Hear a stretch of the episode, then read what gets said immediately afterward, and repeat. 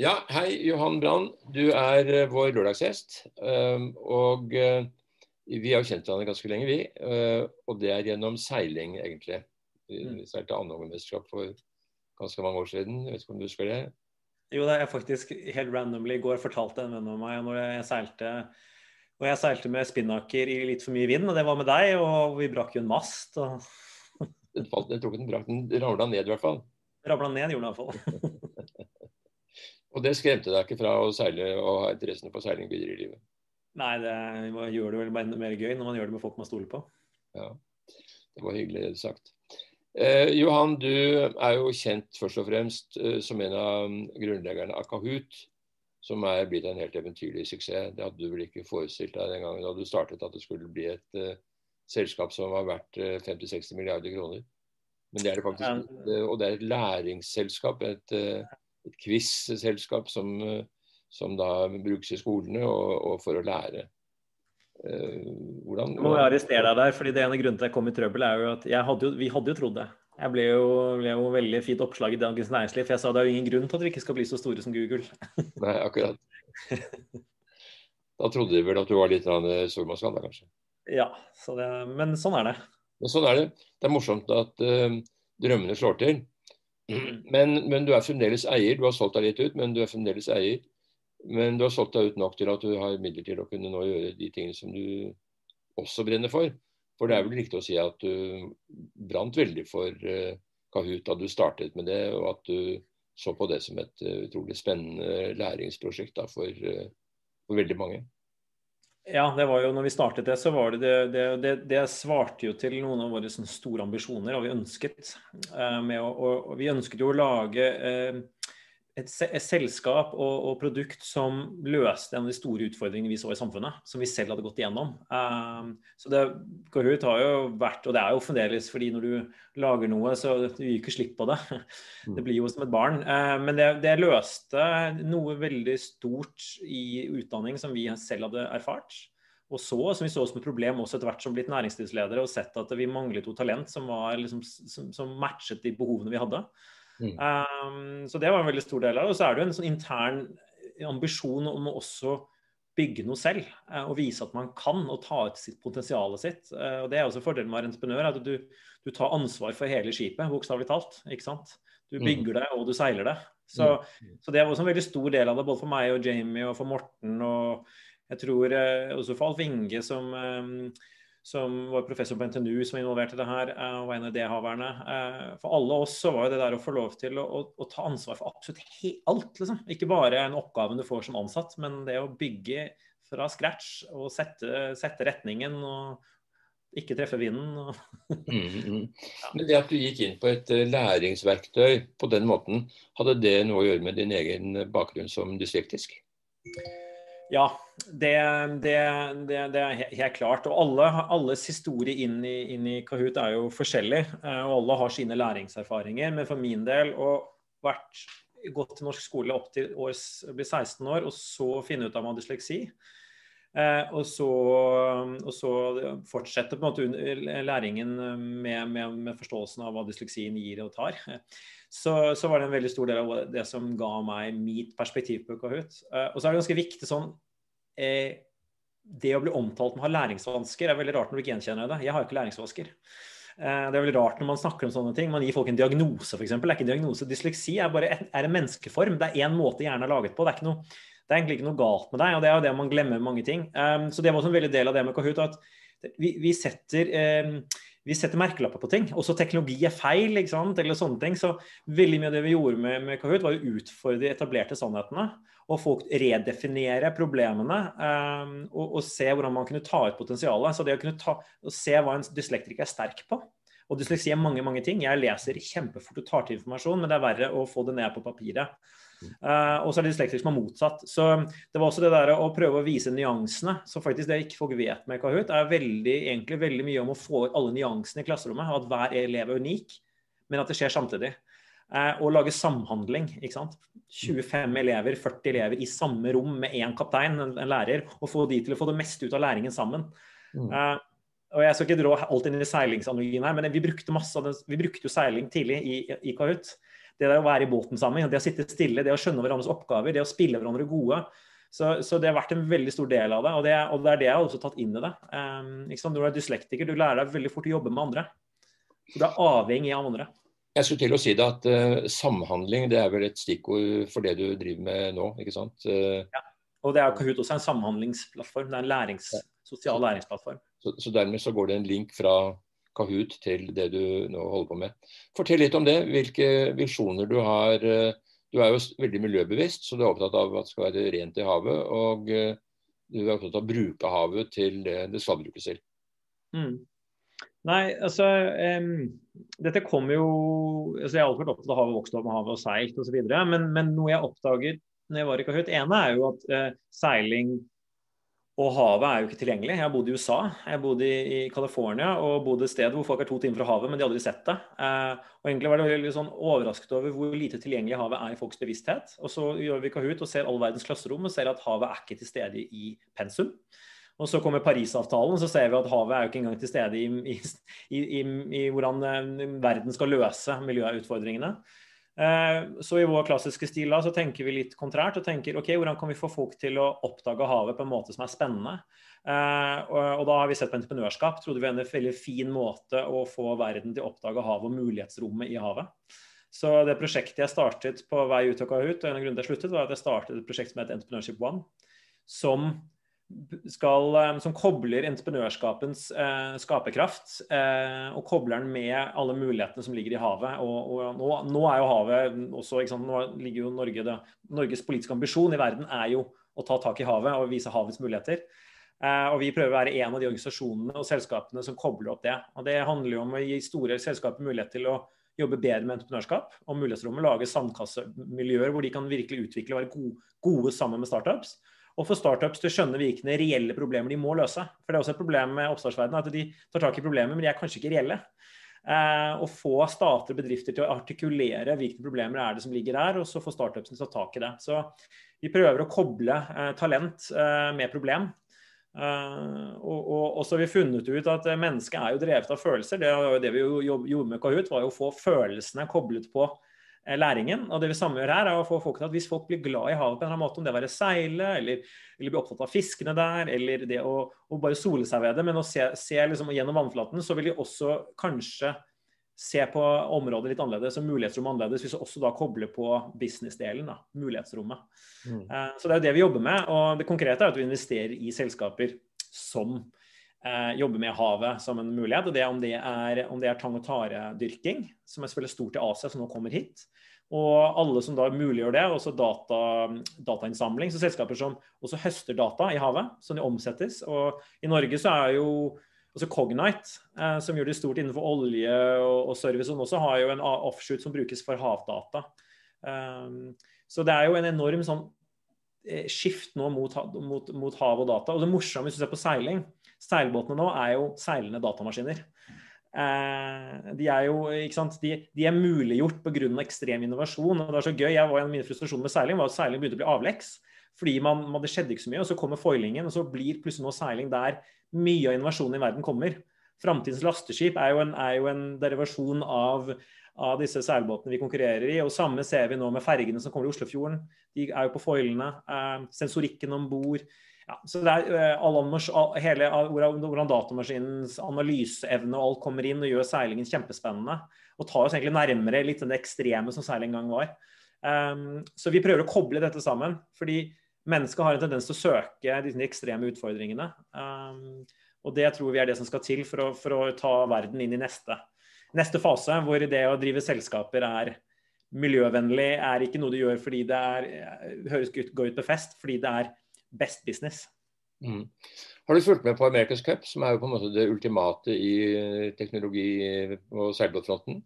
Ja, så jeg er ordentlig sånn America's Cup-nerd. Ja. Så Da jeg gikk på ungdomsskolen, så skrev jeg sånn, eh, ja, oppgave, særoppgaven min på America's Cup og satt nede på, eh, på museet, på biblioteket der. og fulgte med videre. Og jeg syns det har blitt enda morsommere nå med disse foilende båtene. Selv om jeg sier regelverk og sånn, det ikke alltid er så enkelt for andre å forstå. Eh, det er ikke så lett å følge America's Cup. Nå går du mye på fart. Men, ja. men jo, disse båtene er jo teknologiske plattformer som kan brukes Kan dette overføres til Norges ambisjoner om å bli en havnasjon? Ja, absolutt. Og du ser jo, du har jo Alexander Ringdal, som jo, har jo fått denne er vel Ben sin, sin, sin, treningsbåt her og seiler ut i Sandefjord, hvor vi holder til, som er jo en, en, enorm plattform for folk til å bli eksponert til det og se rollen til teknologi for hva seiling bringer. Uh, og så har du jo, du har jo andre du har jo andre norske veldig profilerte seilere som har gått inn og begynt å lage oppstartsbedrifter som lager foil, foil eh, altså businesser for, for, å gjøre foiling. Så Lift Ocean er jo en av dem. Mm. Så vi ser allerede direkte resultater av av seilingens innovasjon og eksponering til det. Um, så, så, absolutt. Og vi i Norge så har vi også uh, navigasjonsplattformer som kommer opp nå, som, er, som tar, tenker på nytt rundt liksom, hvordan, er det, hvordan er det navigasjonen kan skje på en smartere måte. Um, og det er veldig morsomt at når du, er, når du, har dårlig tid i en båt som går veldig veldig fort, så er det litt likt uh, når du kjører motorbåt. det er liksom en annen måte nå å tenke på. Du kan ikke ta den gamle måten å jobbe med, med navigasjon på. Nå må, seilbåtene må ha høyhastighetsnavigasjon. Men så er litt den uerfarne eh, brukeren også. Så det er utrolig mye spennende innovasjon som kommer ut av det, av det som skjer nå. Så det har jeg kjempetro på. Men du er jo en leken type. Uh, du, vi har sett deg nå på Facebook uh, foilende rundt med en, et elektrisk brett rundt Oslofjorden. Hva gir det deg? Nei, du, det Én er at jeg måtte trene meg opp igjen etter å ha vært i litt ulykke. Så da må jeg gjøre ting jeg ikke har gjort før, sånn at jeg ikke sammenligner meg med min gamle prestasjon. Men andre var også det som er veldig gøy å lære nye ting. Og så må jeg jo si at det er sånn som Radin, og, som er jo surfbrett på vannet, og med e-foilene, som at det jo du, du, du, flyr på vannet, er at du får en helt annen måte å oppleve havet på.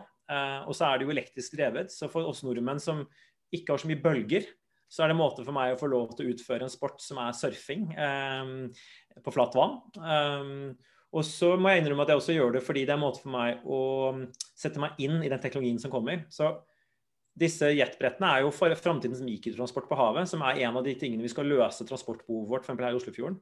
Så det jeg har gjort, er jo da ettertid gått og investert i disse selskapene. Eh, for jeg ser visjonen hvor de skal, og det de utvikler av batteriteknologi og jetmotorer og smartteknologi, er der vi skal. Så én er jo leken og lære meg balanse og moro. Den andre delen er jo også jeg får, jeg får jobbet med teknologien i, i sitt miljø. da.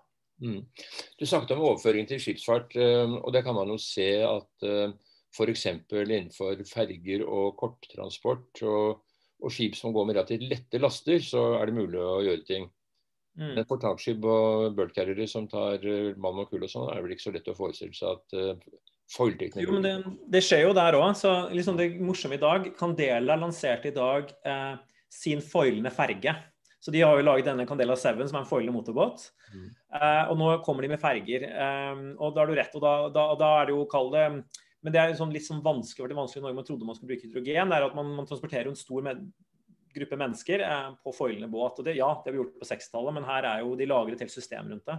Men så ser vi også at Valenius Wilhelmsen og andre bygger nå carriers med eh, faste seil. Roterende seil og faste seil. og Der er det også handler om å dra ned eh, det handler ikke om at de skal helt vindseilende, men at de, at de, tar ned sånn at du reduserer liksom, den verste delen av utslippet, som ligger egentlig i farten over jeg tror, åtte knop eller noe. Og at de inn fjorden kan gå helt uten eh, drivstoff, som er viktig i fjordene. Så, så det kommer der også. Det er bare Du velger vingeseilen det ene stedet, og så velger du foilen det andre stedet ut fra riktig behov. da. Ja. Og kanskje eh, type drivstoff også når det kommer til stykket? Ja, du har helt rett. Og ammoniakk, som Norge forsker mye på, sånn, ser man jo på som framtidens drivstoff, er jo ammoniakk f.eks. Ikke bare hydrogen. Um, så, så, det skjer jo masse. Det som er vanskelig, er jo at man, man vet jo ikke hvilken teknologi, hvilken versjon. Man vet almanakk kommer til å men, det er mange måter å gjøre det på. Så, og Det er der det også er spennende. Hvem, hvem, skal man satse på? Uh, alle vet at det er OL i seiling i, i framtiden, men hvem som går til å vinne, det vet vi ikke. Nei. Men du har altså ved siden av brettet ditt eh, to seilbåter, eh, og så har du kjøpt en øy i Sandefjord. Veldig lett gjenkjennelig, for det er et styrehus som står på den. Alle som har seilt Sandefjordfjorden, har sett det. Og så er du ganske engasjert i Christian Radich. Ja. Hva, hvordan henger disse tingene sammen? Nei, dette kommer ut fra når vi startet Entreprenørskip, som er, en, er, jo en, det er jo et selskap som nettopp skal koble um, entreprenørskap og næringsliv og tech-sektoren med havet, så, så, fant vi ut at vi trenger måte, destinasjoner, vi trenger å aktivisere en del ting. Og hvorfor ikke ta tak i historien vår? Så, så øya i Sandefjord er morsom, for det er jo faktisk en gammel engelsk eh, militærkorvett som ble bygget om til hvalfangstskute. Og gikk i, ut av Sandefjord og var en hvalfangstskute. Og så ble han pensjonert, og så ble huset kappet av. Satt på verftets lager, og så på et tidspunkt så var det vel sønnen til han som da eide Beinskjær, som sa nå setter vi den på skjæret. Eh, og Sånn endte den der. Så for oss representerer den en historie av det gamle. Og så bruker vi den nå som en, eh, som en, samlingsplattform og et forskningssenter. Der skal vi teste ut teknologi. Den ligger jo i nær by, men helt ytterst i Skagerrak. Så det er et veldig fint sted. Og det morsomme er at Alexander Ingdal og gutta seiler jo rundt, f.eks. Og det er jo mye seiling der. Og det er veldig godt liv i havet der, så vi kan teste ut mye rundt matproduksjon. Og det er hardt vær, så det er mye rundt bølger, og det er, my det er mye gøy med det. Så det er det ene. Så har du Kristian Radich, som også er en institusjon. Det er skoleskip. Det er der veldig mange har hatt sin første reise på havet. Og det skulle jo gi på en måte da gamle, unge gutter eh, litt sånn eh, oppveksten sin. Nå har jo Radich bestemt seg for å ta tak i utenforskap, som er jo vårt moderne svar på det samme. Og, eh, og jeg syns det er utrolig viktig. Jeg vet jo selv hvor, hvor, mye du kan lære av å seile en skute sammen. Det å gå vakter, det å være i fellesskap, det å lære seg å knytte nettverk. Og mye av det som man må gjøre i en båt. Man kommer ikke unna. Så det er utrolig sånn er sånn crash course for dem, hvordan, hvordan samfunnet er. Um, så da har jeg valgt å jobbe mye med dem på Windjammer-programmet. Og så uh, søkte Radik Jeg visste jo ikke det da jeg tok kontakt med dem, de søkte hos en rolle i samfunnet utover det. Og det var da vi, jeg sa dem dere må jo bli en entreprenørskip. Dere må jo bli, må jo bli vårt flaggskip innenfor um, entreprenørskap. Uh, og faktisk ta denne gamle gamle seilskuten uh, og koble med den moderne teknologien. Men faktisk gjennom det å seile, gjennom det å oppdage havet. Så vi, vi har jo seilt fra Oslo til København Techfest full av entreprenører. Um, og så hjem igjen hadde vi med oss uh, internasjonale entreprenørnettverket, altså da WC-er, altså investorer, og det ene og det andre. Og de fikk seile sammen på den båten. og de, Lyset gikk opp for dem hvorfor havet var tilgjengelig. De skjønte jo hvorfor liksom, havet er det det er, for da var vi i dårlig vær. Um, og så skapte det en, en unity. Uh, og det er en viktig del av min. Jeg ønsker å få koble Silicon Valley Bank på, på havet og hvordan vi tenker, som de var med og seilte så tok det ikke lang tid før jeg satt på amerikanske ambassaden og var med på arrangementer, for de amerikanske marinen er jo dypt involvert i hav og innovasjon. Så, så, det er jo en sånn for mye måte å koble våre litt sånne ikoniske ting på den innovasjonen som kommer, da. Er havkonseptet er det det som skal ta over etter uh, oljen som uh, inntektskilde nummer én i, i, Norge? Hvis det er nummer én, da, men Ja, jeg hater jo den der hva er den nye oljen-diskusjonen. Um, fordi den er liksom misforstått. Eh, ja, jeg tror jo havet, og det tror jeg ikke bare er i hvorfor det er svaret er det, er ikke fordi det er bare for Norge. Havet er mer og mer det folk ser til som løsningen på mye av den økonomiske drivkraften som kommer. Og Det er jo for at vi ser at antibiotikaen som skal dyrkes, kanskje, kanskje faktisk skal dyrkes av sopp som bor i bunnen av havet, som vi ikke visste om. Eh, vi ser matproduksjonen ligger der. Vi ser jo at eh, Transporten er jo allerede hovedsakelig der, og det skal mye skje. Så veldig mye av Norges mulighetsrom ligger jo vår forståelse, vår finansiering og tilstedeværelse på verdens hav. Um, så istedenfor å si at det skal ja, du har helt rett, du sier det skal ta over det, men jeg tror nok mer av de næringene som vi har, kommer til å bli veldig sterke der. Og så vil oljen mer og mer være en mindre del av det. Men jeg tror mange av næring, tilstedeværelsen i Norge vil, vil, være å kunne hente ut veldig mye, mye innovasjon og inntekter i havrommet. Da. Ja. Og så er det den miljømessige siden av det. En veldig viktig oppgave som du også er engasjert i, det er å holde havet rent. Eh, ja. Kvitt alt utslipp og alt sånt. Ja, og det er en kjempe, dette er jo en kjempemulig, altså en kjempeforretningsmulighet. er at når myndighetene, Det er det som er bra med EU nå, de setter så sterke krav, økonomiske krav òg, og, og forventer det. Og da er det en kjempemulighet for selskaper å omstille seg og for de som har evnen og mulighetene til å, å, til, til å, komme med de løsningene. Og Da er det jo tekniske ting som foiling eller bedre styringer, systemer eller, eller, eller utslippsting. Uh, og mye av det morsomme som mange glemmer, er jo at det skal vi gjøre helt langt inne på gårder i Innlandet. Veldig mye av forurensningen i havet skjer jo på gården til noen midt inne i Oslo. Uh, nei, sorry, midt inne i, i Innlandet i Norge. Mm. Um, også det for oss er det å koble bøndene på havet. Det er noe av det viktigste vi kan gjøre. er at Regnet som faller på gården deres, det er resultatet av, av et sirkulær økonomi. Mm. Så man høres litt sånn ut som sånn barneskoletankegang, men vi ser det i verdikjeden at her, vi, her, har vi tenkt siloer. og Derfor så ser vi ikke hva som skjer med avfallet vårt, og derfor så ender det i havet. Og så regner det surt vann på oss. Norge er jo en stor fiskerinasjon, og det kom en veldig skremmende rapport bare for et par dager siden om konsekvensen av eh, tråling. Mm. At uh, det som uh, trålene utløser, det er altså et større CO2-utslipp enn hele verdens flytrafikk. Mm. Og ikke bare det, men den tar jo også bort mye av livet i havet fordi de pløyer opp bunnen. Mm. Har du kommentar til det? Ja, også fordi, og tråling er politisk hot potato. Og det er der vi ser av og til hvor vanskelig det er for politikerne å måtte ta avgjørelser som kan kreve enorm motbør. Eh, fordi tråling er jo big, big business. Um, vi har jo visst om det før denne rapporten. Det er bare at denne rapporten gir måte, det beviset man ofte trenger i rommet for å vippe skalaen vår vei. Så nå er det viktig å ikke miste moment på det. Um, for dette er litt det samme vi ser rundt gruvedrift på bunnen av, av, um, av havet også, som ikke nødvendigvis er negativt på tanke på at det kan utløse en del andre fordeler, men det er gjort feil steder på feil måte kan utløse enorme miljøproblemer for oss. Så vi håper og tror gjennom at man nå kan tenke litt mer holistisk enn man gjorde før. Når man drev med utnyttelse av, av naturressurser før, så, så man ikke hele regnskapet. og Det vi håper nå, er at folk skal se hele regnskapet av hvordan vi forvalter det. Um, fordi Det morsomme med den diskusjonen vi har med mange, er jo at mange glemmer og de ser ikke at de taper in the long run ved å gjøre det feil. Og Det vet du som seiler. Uh, du har jo ikke lyst til å seile i et hav som er skittent.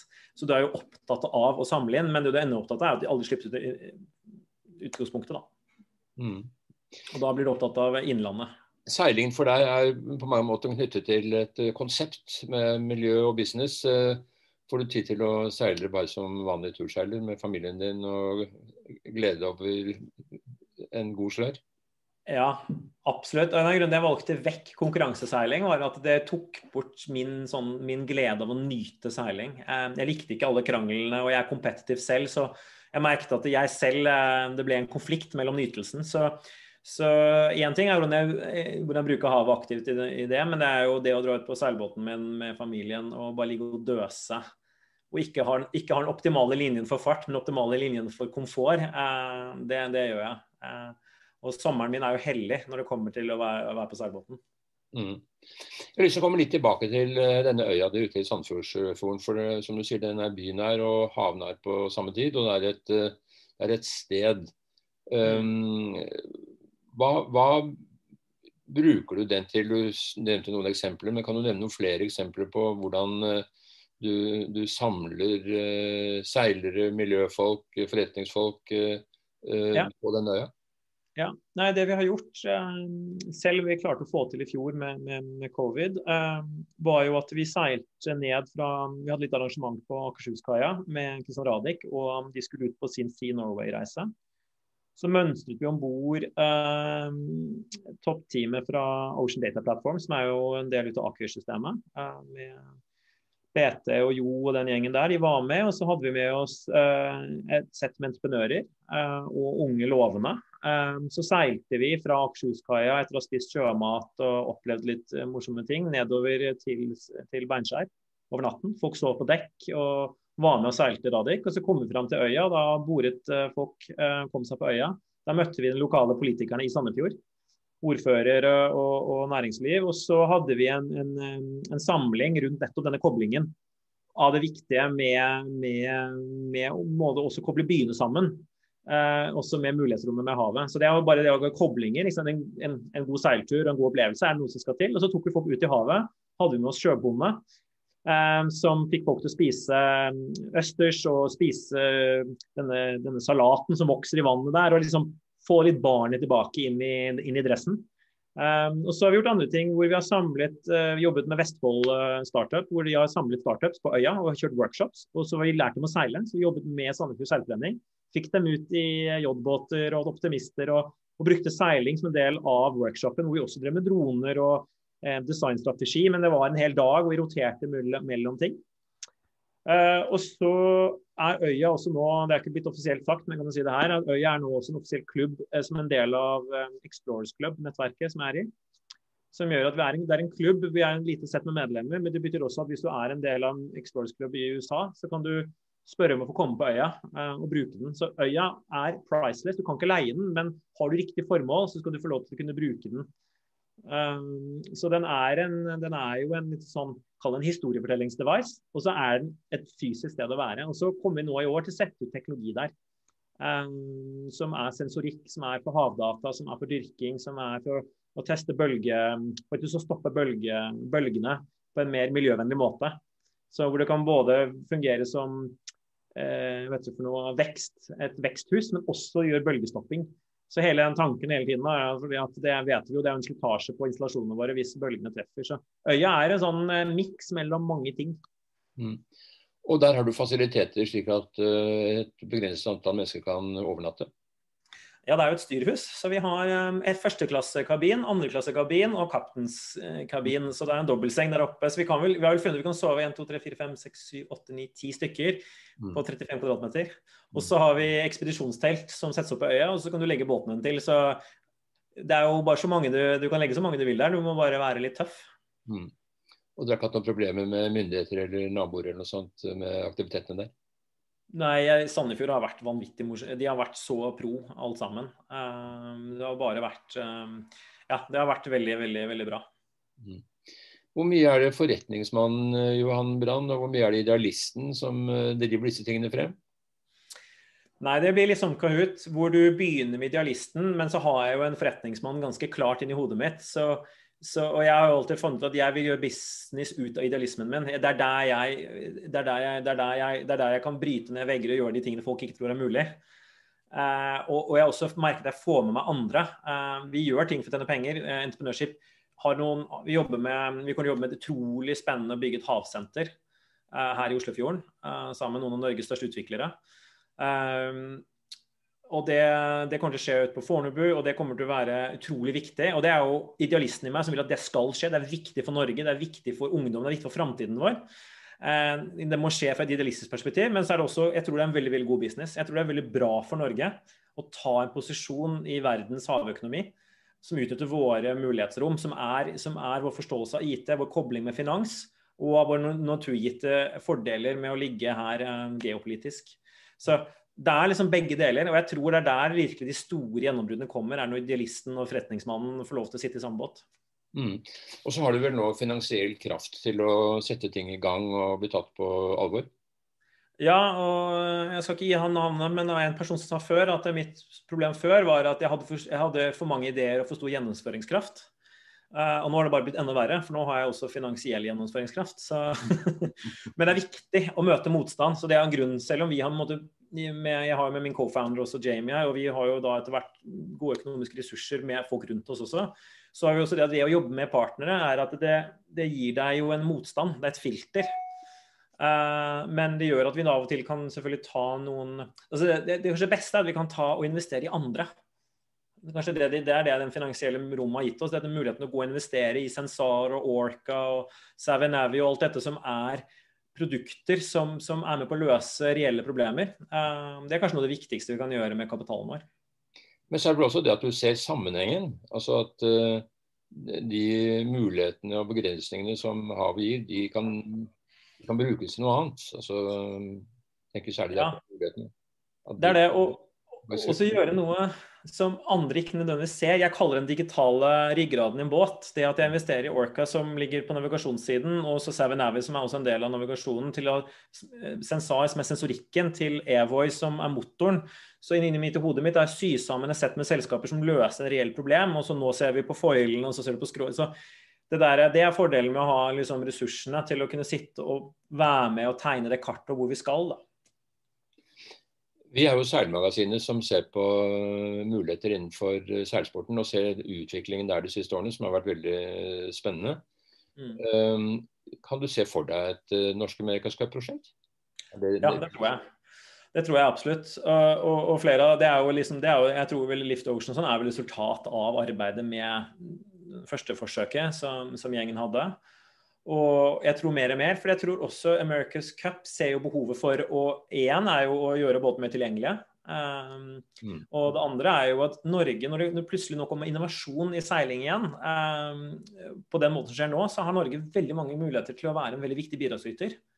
Så, så jeg, jeg, tror det kunne vært en av våre beste egentlig sånne muligheter for å vise oss fram på en høy, høy greie. Og så mener jo Alexander og gjengen trener jo opp seilerne. Vi har jo et miljø som trener seilere, så hvorfor skal ikke de være det? Så, så ja, og det har vært utrolig viktig og gøy for oss å være med på. Mm. I Seilsporten er jo ikke bare leisure, det er jo, det er jo også en viktig faktor for innovasjon. ikke sant? Så det er viktig å være til stede som bedrifter òg. Norske bedrifter er altfor lite til stede i seilsporten.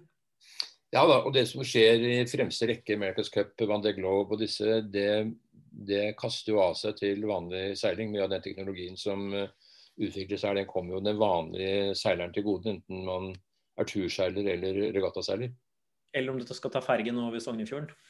Eksempel, vi får håpe det. Johan, uh, det har vært veldig hyggelig å snakke med deg. Tusen takk for din tid. Uh, du har mye å tilføre Seilingen det er jeg helt uh, overbevist om, men du driver med andre ting. Jeg ønsker deg lykke til videre med det du holder på med. Tusen takk, Mikkel.